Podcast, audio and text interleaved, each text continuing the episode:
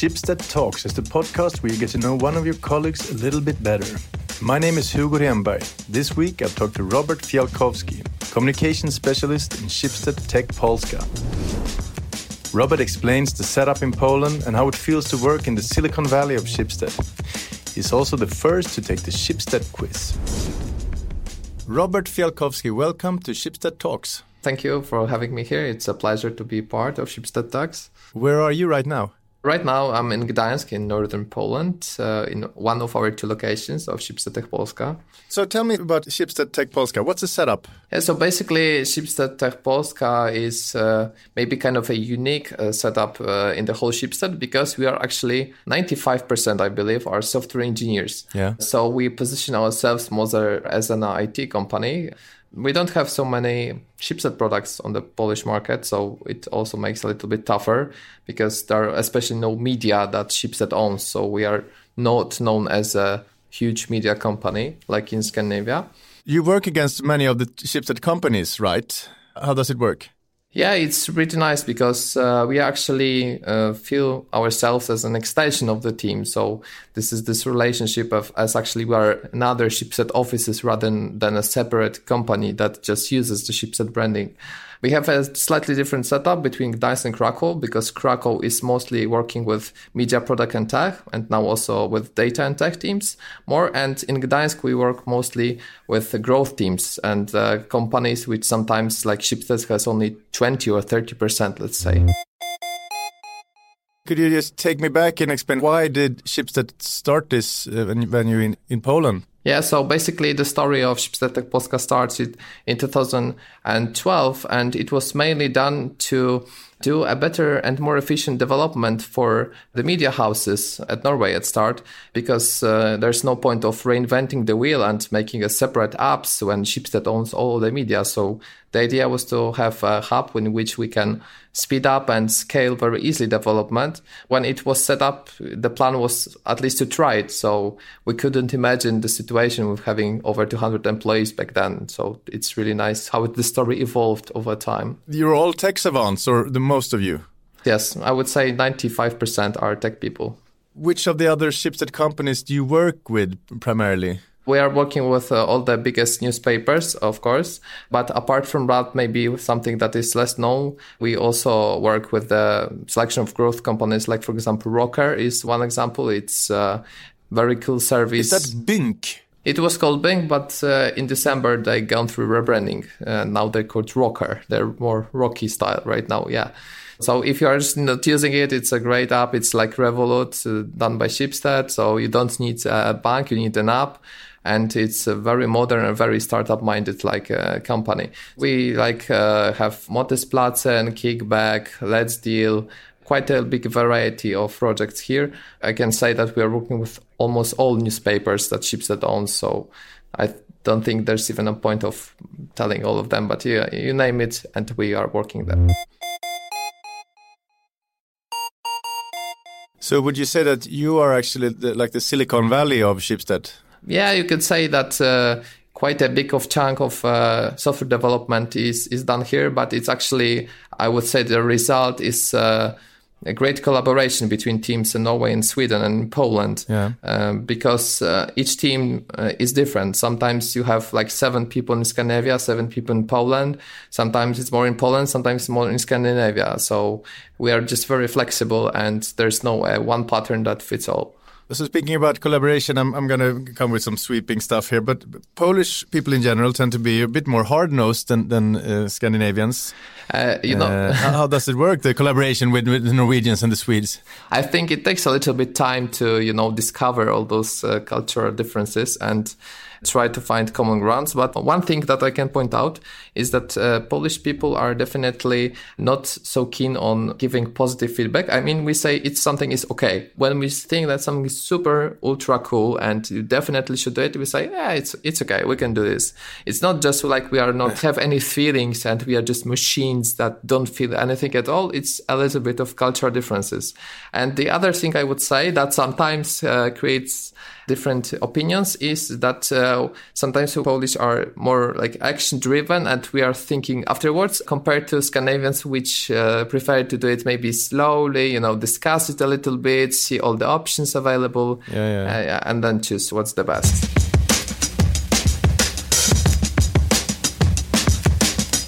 You tend to call yourself one man army of communication. What do you mean by that? Something that is unique about Schibsted Tech Polska is also how our setup looks like because actually I'm a single communication person uh, responsible for whole Poland and I don't have a team so I need to sometimes do like brainstorming on myself and I'm responsible for you know company website blog podcast as well uh, running social network activities posting and paid campaigns creating content video content as well. So it's actually quite a lot and uh, it's uh, really a challenge to you know be everywhere and not to be behind but uh, quite uh, demanding but also very challenging and satisfying.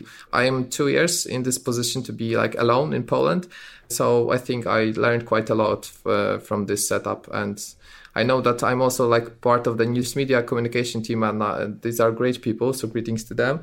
And I know that uh, I can always get help, but we are in a very distributed team when everyone is actually focusing on their own stuff. I heard that you produce a podcast on your free time as well, right? Yeah, you're right. Because uh, since 2012, so like the same year as Tech Polska was uh, created, I'm recording a video gaming podcast with my friends. So we are also doing this remotely. This year surpassed 300 episodes. So Explain to me, you're gamers, so you, you're talking about gaming in the podcast, or is it a video podcast? it is uh, audio podcast, so uh, only the sound Yeah. without the video. And we are discussing the gaming industry news as well as uh, actually reviewing games. But Robert, you're a grown up. I know I've heard this a lot, but uh, now I talk uh, about video games more than I play it. So uh, in the past, we were producing episodes on a weekly basis, and there was like two or three years when we had every week an episode. And you know, as a podcast producer yourself, that it's really a, a, something of achievement and quite hard to follow a very strict schedule. CNP Stream, what is that? Okay, so CNP Stream is one of the very unique teams uh, that's located in Krakow uh, in Schibsted Tech Polska because you know in IT industry it's very common to change job pretty often, right?